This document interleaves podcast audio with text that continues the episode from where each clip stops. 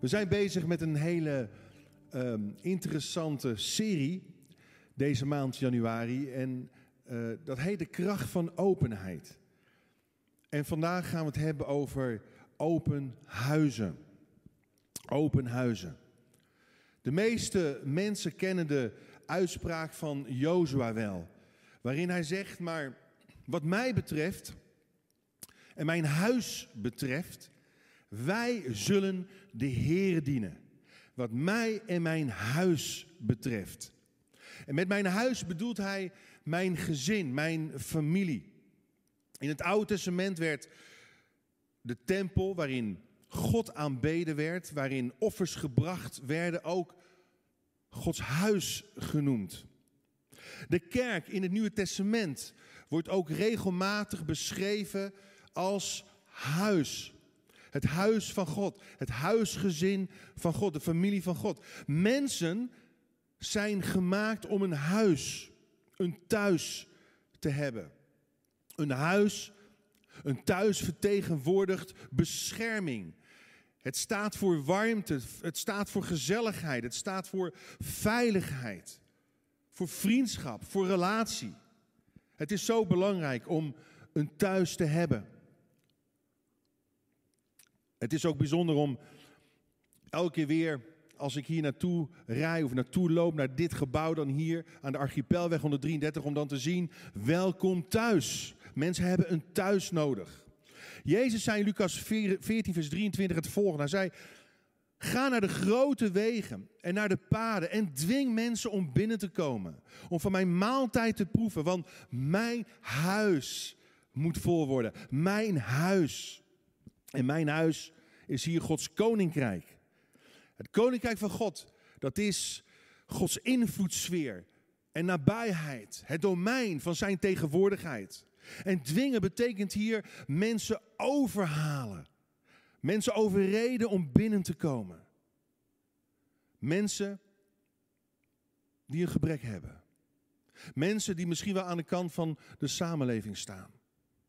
Op financieel gebied, lichamelijk gebied, emotioneel of psychisch gebied. En zodoende vervolgt Jezus in Lucas 14, eh, vers 12 met wanneer u een maaltijd aanbiedt of een feestmaal geeft, vraag dan niet zozeer uw vrienden, uw broers, uw verwanten of uw rijke buren in de verwachting dat zij u op een beurt zullen uitnodigen om iets terug te doen. Nee, wanneer u mensen ontvangt, nodig dan armen. Nodig dan kreupelen uit, verlamden en blinden. Dan zult u gelukkig zijn, dan zult u zalig zijn. Weet je, in die tijd had men niet zoiets als een uitkering als je niet kon werken. Je had geen rugzakjes. De nood was groot. En zeker onder de mensen met een handicap of beperking. Die werden nooit ergens uitgenodigd. Die werden nooit ergens heel warm onthaald. Sterker nog, die werden gemeden. Die, die werden aan hun lot overgelaten. Het woordje kreupelen, ook in het Grieks, is ook een, een medische term.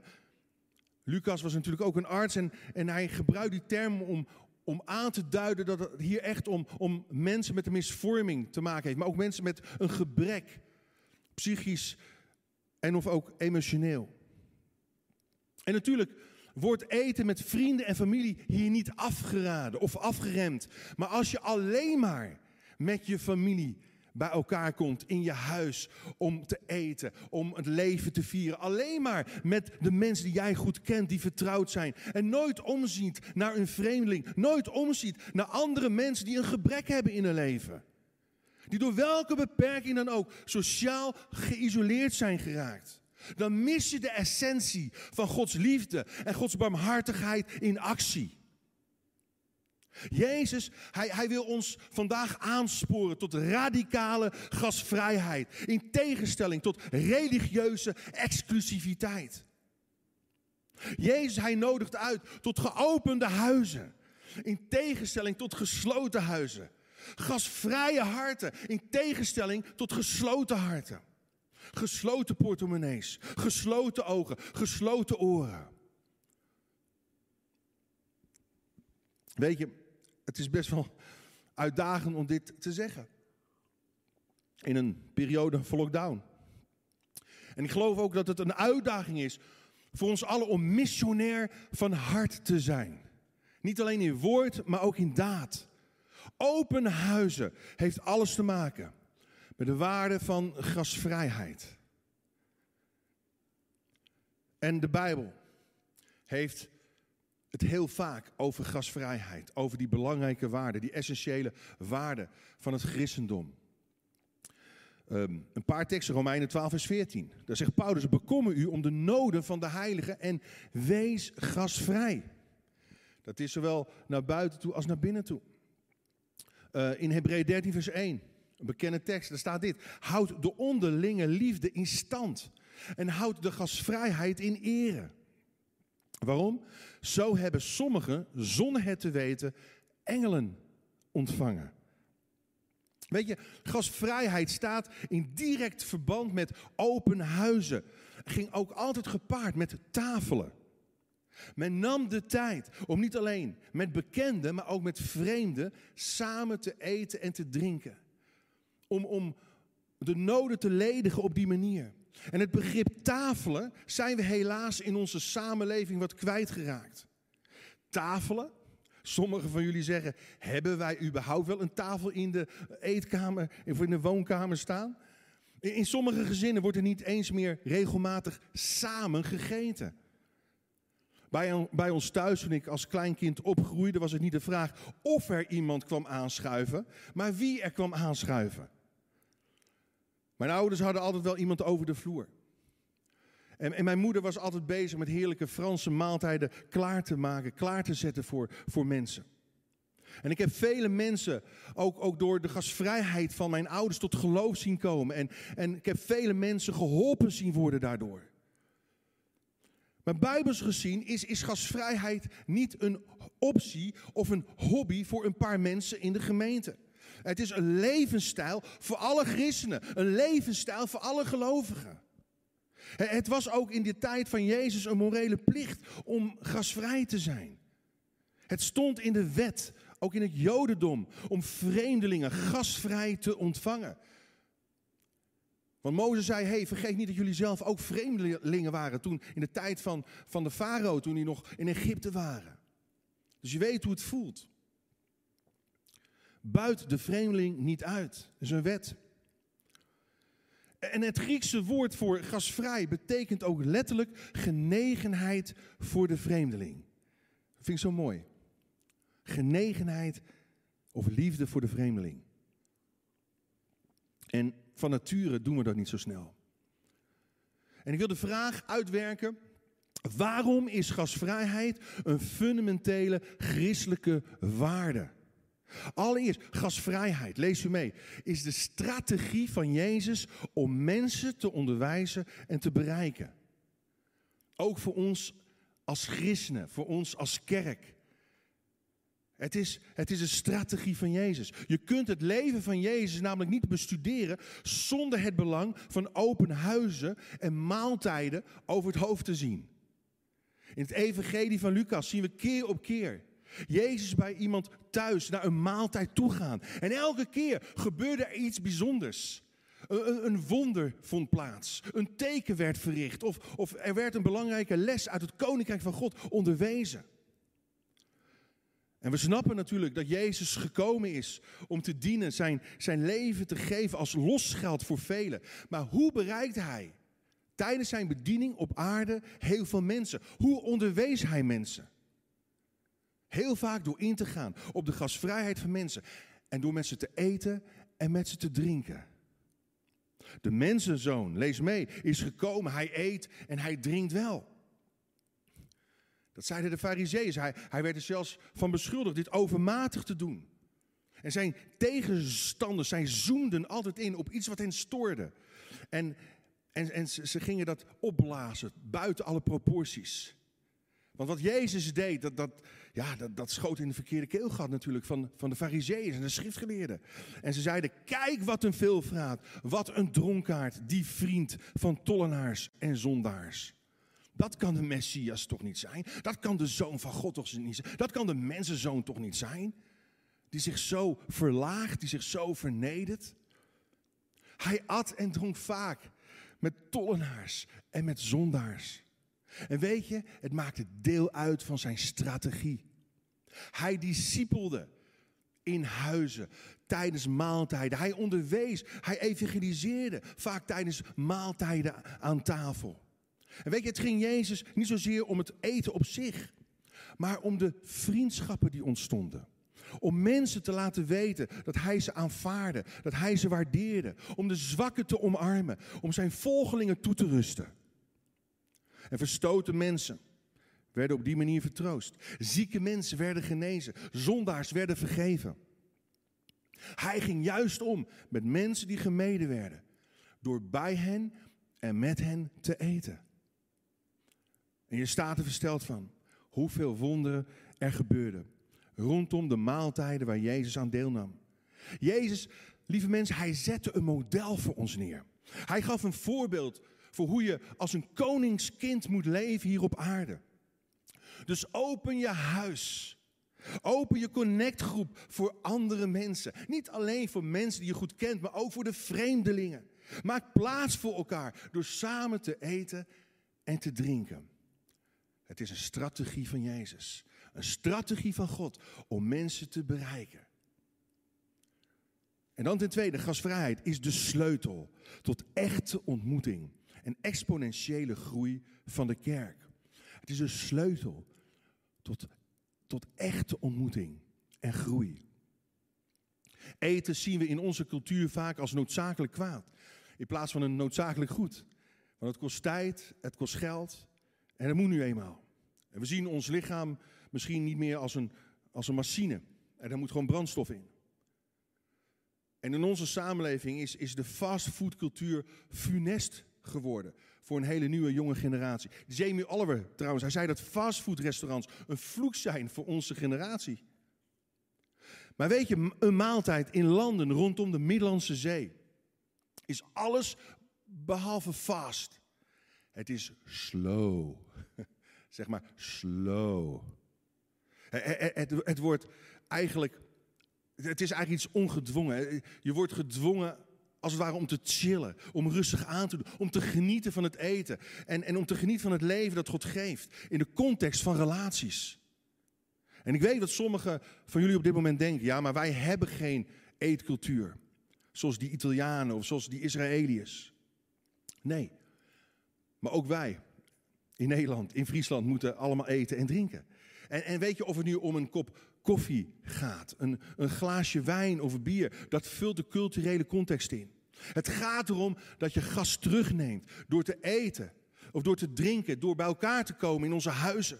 Waardoor er ruimte komt voor gesprekken en voor echte ontmoeting en voor exponentiële groei van de kerk. Tegenwoordig eten heel veel kinderen voor de televisie of hebben hun smartphone bij de hand in de ene hand en een vork in de andere hand. Tijdens het eten. En de invloed van smartphone is, is niet meer weg te denken uit ons leven. 70% van de jongeren besteden minimaal drie uur per dag aan hun smartphone. 15% is vier of meer kwijt met Instagrammen, TikTokken, appen, ga zo maar door. Weet je, een, een belangrijke tip voor jong en oud, ook ouderen natuurlijk zijn vaak continu. Ik zelf betrap me er soms ook wel op. Dat, dat mijn, soms mijn kinderen moeten zeggen, pap, hou even op met de appen. Maar goed, een tip voor jong en oud. Maak duidelijke afspraken over je smartphone gebruik. En zeker als je aan tafel gaat, weg met dat ding. In het Nieuwe Testament bestond de kerk trouwens voor een heel groot gedeelte uit gezamenlijke maaltijden. Bij elkaar in huis. Elke dag kwamen de eerste christenen bij elkaar. Lees mee in Handelingen 2, vers 46. Er staat elke dag kwamen ze trouw en eensgezind samen in de tempel. Ze braken het brood bij elkaar thuis. En ze gebruikten hun maaltijden in een geest van eenvoud. En vol, weet je, het hoeft niet een hele luxe maaltijd te zijn, maar gewoon hun maaltijd in een geest van eenvoud en vol vreugde. En ze loofden God en stonden in de gunst bij het hele volk. En de heren breiden hun aantal dagelijks uit. Met mensen die gered wilden worden. Bij elkaar thuiskomen. Kijk, misschien zeg je, ja, maar um, ik, ik ken niet zozeer de gave van evangelist. Ik, ik vind het moeilijk, om, om met mensen uh, op straat of waar dan ook, of op de sportclub, uh, te vertellen over waar ik voor sta, waar, wat ik precies geloof. Hé, hey, maar dit is heel, heel chill. Dit is heel ongedwongen. Om gewoon mensen uit te nodigen bij je thuis. En een maaltijd aan te bieden. Dan gaan de gesprekken vanzelf. Maar bij elkaar thuiskomen was een fundamenteel kenmerk van de eerste christengemeente. Het was een van de sleutels tot, tot exponentiële groei. De eerste gemeente was een megakerk. Maar ze sloten zich nauw aan één door in kleine groepen samen te komen. En daar deelden ze alles met elkaar. Daar, daar baden ze met elkaar. Daar aten ze met elkaar. En het resultaat was dit. Ze stonden in de gunst bij heel het volk. Ze vonden genade bij de mensen in de stad Jeruzalem en omstreken. Want ze namen de tijd voor elkaar. En daardoor was er zo'n vrede, een eenheid, maar ook een enorm ontzag voor God. En kon God wonderen blijven doen. Weet je, er is geen ruimte voor vrede als er gejaagdheid is, als er haast is. Haast is niet van de duivel, het is de duivel, zei iemand. Maar door je huis te openen, neem je gas terug en, en, en gas terug ook uit de hectiek van het leven. En maak je ruimte voor de ander. Je maakt ruimte voor ontmoeting. Je maakt ruimte voor communicatie. Open en eerlijk. Weet je, een open huis getuigt van een open hart. En dan ten derde. Waarom is het zo een essentieel onderdeel van het, van het christelijk leven? Omdat gasvrijheid het scharnier is dat mensen met elkaar verbindt en verzoent. Gasvrijheid is het scharnier. Een scharnier van een deur of een raam is een verbinding tussen twee delen. Welke rotaties tussen deze twee delen toelaat. En zo verbindt gasvrijheid mensen met elkaar als een scharnier. En als we bij elkaar komen, delen we nieuwtjes. Houden we elkaar op de hoogte. Kijken we elkaar in de ogen aan. En dat verbindt. Hey, hoe was je dag? Hey, wat heb je op je werk meegemaakt? hey, hoe ging dat gesprek? Zo mooi, zo belangrijk. Hoe was het op school? Weet je, je toont snelle belangstelling voor elkaar als je samen gaat eten of drinken. Je deelt waarden die je belangrijk vindt. En natuurlijk worden we door de pandemie op dit moment beperkt. Er moet heel veel digitaal gebeuren. Maar alsnog kunnen we altijd wel iemand of een paar mensen uitnodigen. Binnen natuurlijk de maatregelen die we voor ogen willen houden. En bij ons thuis uit kunnen nodigen. Gasvrij zijn voor elkaar kan een instrument van verzoening zijn. Weet je, een onopgelost conflict kan niet genegeerd worden aan tafel.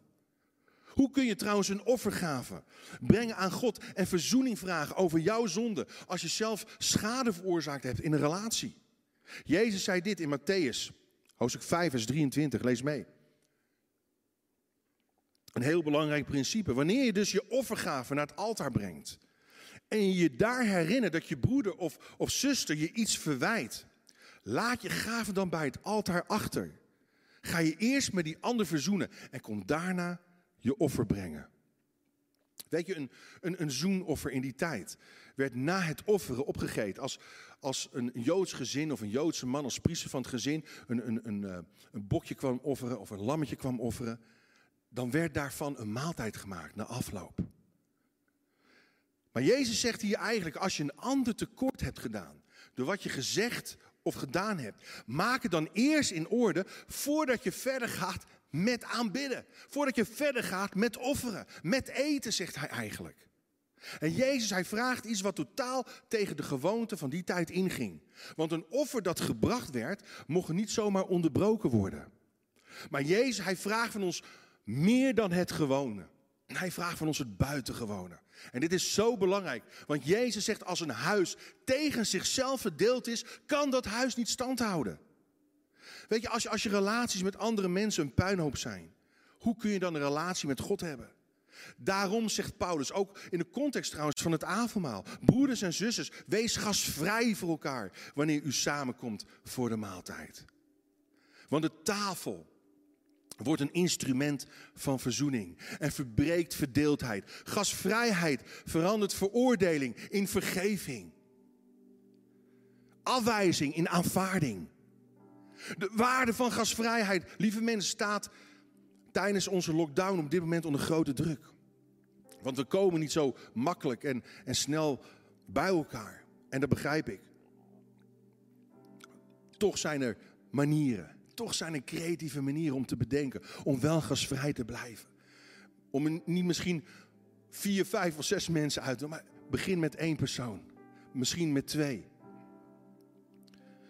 En weet je, ik zie dat, dat heel veel mensen zich druk maken over de vraag, en ik heb getwijfeld om hierop in te gaan, maar ik wil toch hier even kort op ingaan. Heel veel mensen maken zich druk, over de vraag, moet ik me nou wel of niet laten vaccineren? vaccineren? Ik ga daar niet een heel uitgebreid antwoord op geven. Maar mensen vragen zich af, is het hele corona gebeuren wel of niet één groot complot? En ze, ze maken zo druk. Ze, ze, ze raken verward. Leven wel of niet in de eindtijd. Weet je, ik zal je een geheim verklappen. Groot geheim. We leven al 2000 jaar in de eindtijd. Ja, maar, maar wat, moeten we, wat moeten we nu doen? Vertel me, Nicola, wat moeten we nou doen? Geen paniek. Een tip van de apostel Petrus. 1 Petrus 4, vers 7.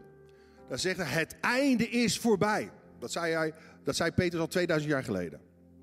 Het einde van alles is nabij. Wat moet je doen? Kom tot bezinning.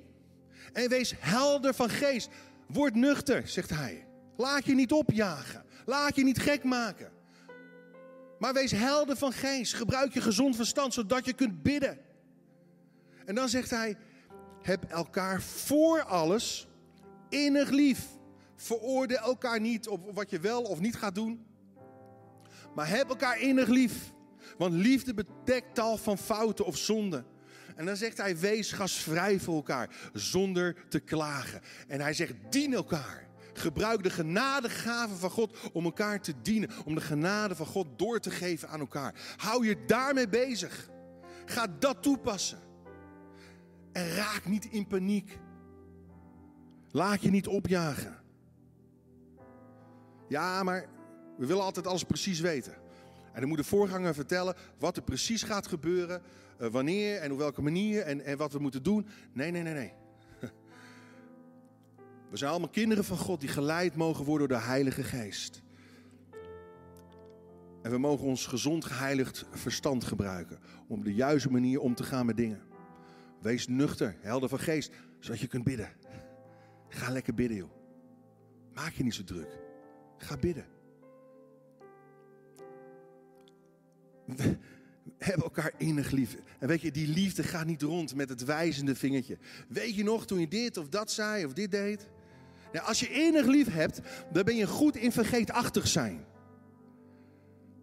Weet je, gastvrijheid is een uiting van innig liefhebben. En echt gastvrij zijn gaat gepaard zonder klagen, zonder mopperen. Maar het kost je wel wat.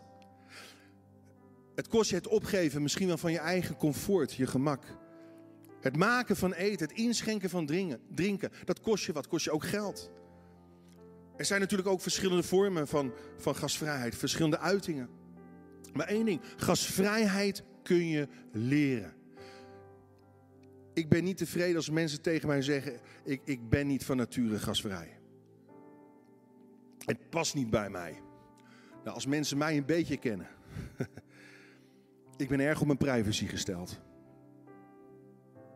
Het is nu precies twee jaar geleden dat Angelique en ik een gezinshuis zijn gestart. En we vangen op dit moment vier meiden op. Die nooit een thuis hebben gekend.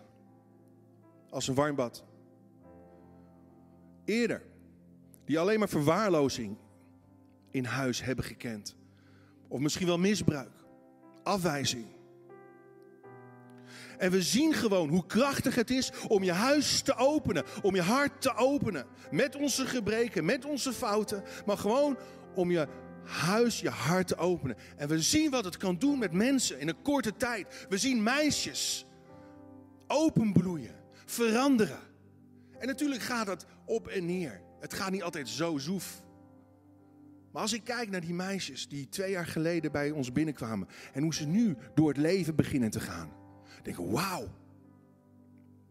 Kom niet, kom niet omdat ik zo goed ben of wij zo goed zijn. Nee, nee. Ik ben heel eerlijk. Ik, ik ben niet zo'n held hierin, zoals Angelique, mijn vrouw, dat is. Het eerste jaar dacht ik, waar zijn we aan begonnen? Waar zijn we aan begonnen? Daar gaat mijn privacy. Het was voor mij een enorme stap. En ergens in die zin ook wel een offer. Ook voor onze kids. Het is ook nu niet altijd even makkelijk. Maar weet je wat zo mooi is? Wat ik zo mooi vind? Het grootste compliment. Als de meisjes die we, hebben, die we opvangen een weekendje weg zijn geweest. En ze komen weer terug. En ze zeggen van, hè, ik ben eindelijk weer thuis. Ik ben eindelijk weer thuis. Daar gaat het om. Weet je, gastvrijheid is de openheid om anderen toe te laten in je huis, in je leven. Niet alleen mensen die je goed kent, maar ook de mens die op één of ander gebied een gebrek heeft, een aan een gebrek leidt, een gemis heeft in zijn leven. Het hoeft, dat kan, hoeft niet alleen lichamelijk zo te zijn, maar misschien ook psychisch, emotioneel. Dus wees gasvrij juist voor die mensen. Wees gasvrij voor elkaar. Nodig elkaar uit. Eet met elkaar. Of drink in onze cultuur. Ga veel koffietjes doen. Huil en lach met elkaar. Bouw elkaar op en dien elkaar. Uiteindelijk gaat het erom dat we met God maaltijd houden. Met Hem communiceren en een relatie hebben. Want Jezus, Hij zegt ook, zie, ik sta aan de deur en ik klop. Een deur van jouw huis. Ik klop en indien iemand naar mijn stem hoort en die deur opent, ik zal bij hem binnenkomen en maaltijd met hem houden. En hij met mij of zij met mij. Jezus, dat is natuurlijk symbolisch, maar hij wil maaltijd met jou houden. Hij wil communiceren. Hij wil verbondenheid. Hij wil, zich, hij wil dat je je hecht aan hem. Dat je je, hart opent voor hem. Dus als ik klop, zegt Jezus, op de deur van je hart, doe dan die deur open. Ik wil een relatie met jou. Van daaruit mag jij relaties, betekenisvolle relaties ontwikkelen met andere mensen. Niet alleen met gelovigen, maar juist ook met ongelovigen. Met mensen die gebrek hebben in hun leven. Mensen die een gemis hebben in je leven. En God wil jou inzetten op een hele mooie, natuurlijke manier. Door gasvrijheid. De waarde van gasvrijheid toe te passen. Zullen we onze hoofden buigen, onze ogen sluiten. Heere Jezus, dank u wel. Dat de waarde van gasvrijheid een waarde van uw koninkrijk meer en meer zal gaan leven in onze huizen, in onze harten, in onze levens. O Heer, dank u wel, Heer, dat u klopt op de deur van ons hart om met ons maaltijd te houden. Dat allereerst. Maar van daaruit mogen we ook met anderen maaltijd hebben en maaltijd houden. Mag verzoening doorbreken, mag vergeving doorbreken. Mag uw licht doorbreken in de duisternis. Mogen mensen opgebeurd en, en getroost worden door uw nabijheid, door het samen zijn. En Heer, dank u wel. Dank u wel voor dat voorrecht dat we hebben. Dat voorrecht om mensen te wijzen op het huis van God dat vol moet worden. In Jezus' naam. Als jij je hart wil openen op dit moment, allereerst misschien voor Jezus zelf. Je hebt hem nooit binnengelaten, toegelaten in je hart. Maak dan die keuze. Geef het ook misschien digitaal aan of via een mailtje. Maar ook als jij zegt en besluit. Ja, ik en mijn huis, wat ons betreft, wij gaan de Heeren dienen. Wij stellen onze huizen open, onze harten open, onze levens open voor de anderen. Voor mensen die het nodig hebben. We willen niet langer alleen maar op onszelf gericht zijn, maar op anderen gericht zijn. Dan wil ik je zegenen als je die keuze gaat maken. En op welke manier dat ook. God gaat jou gebruiken. God gaat het invullen. Op zijn manier, wat bij jou past in jouw leven, in Jezus' naam. Amen.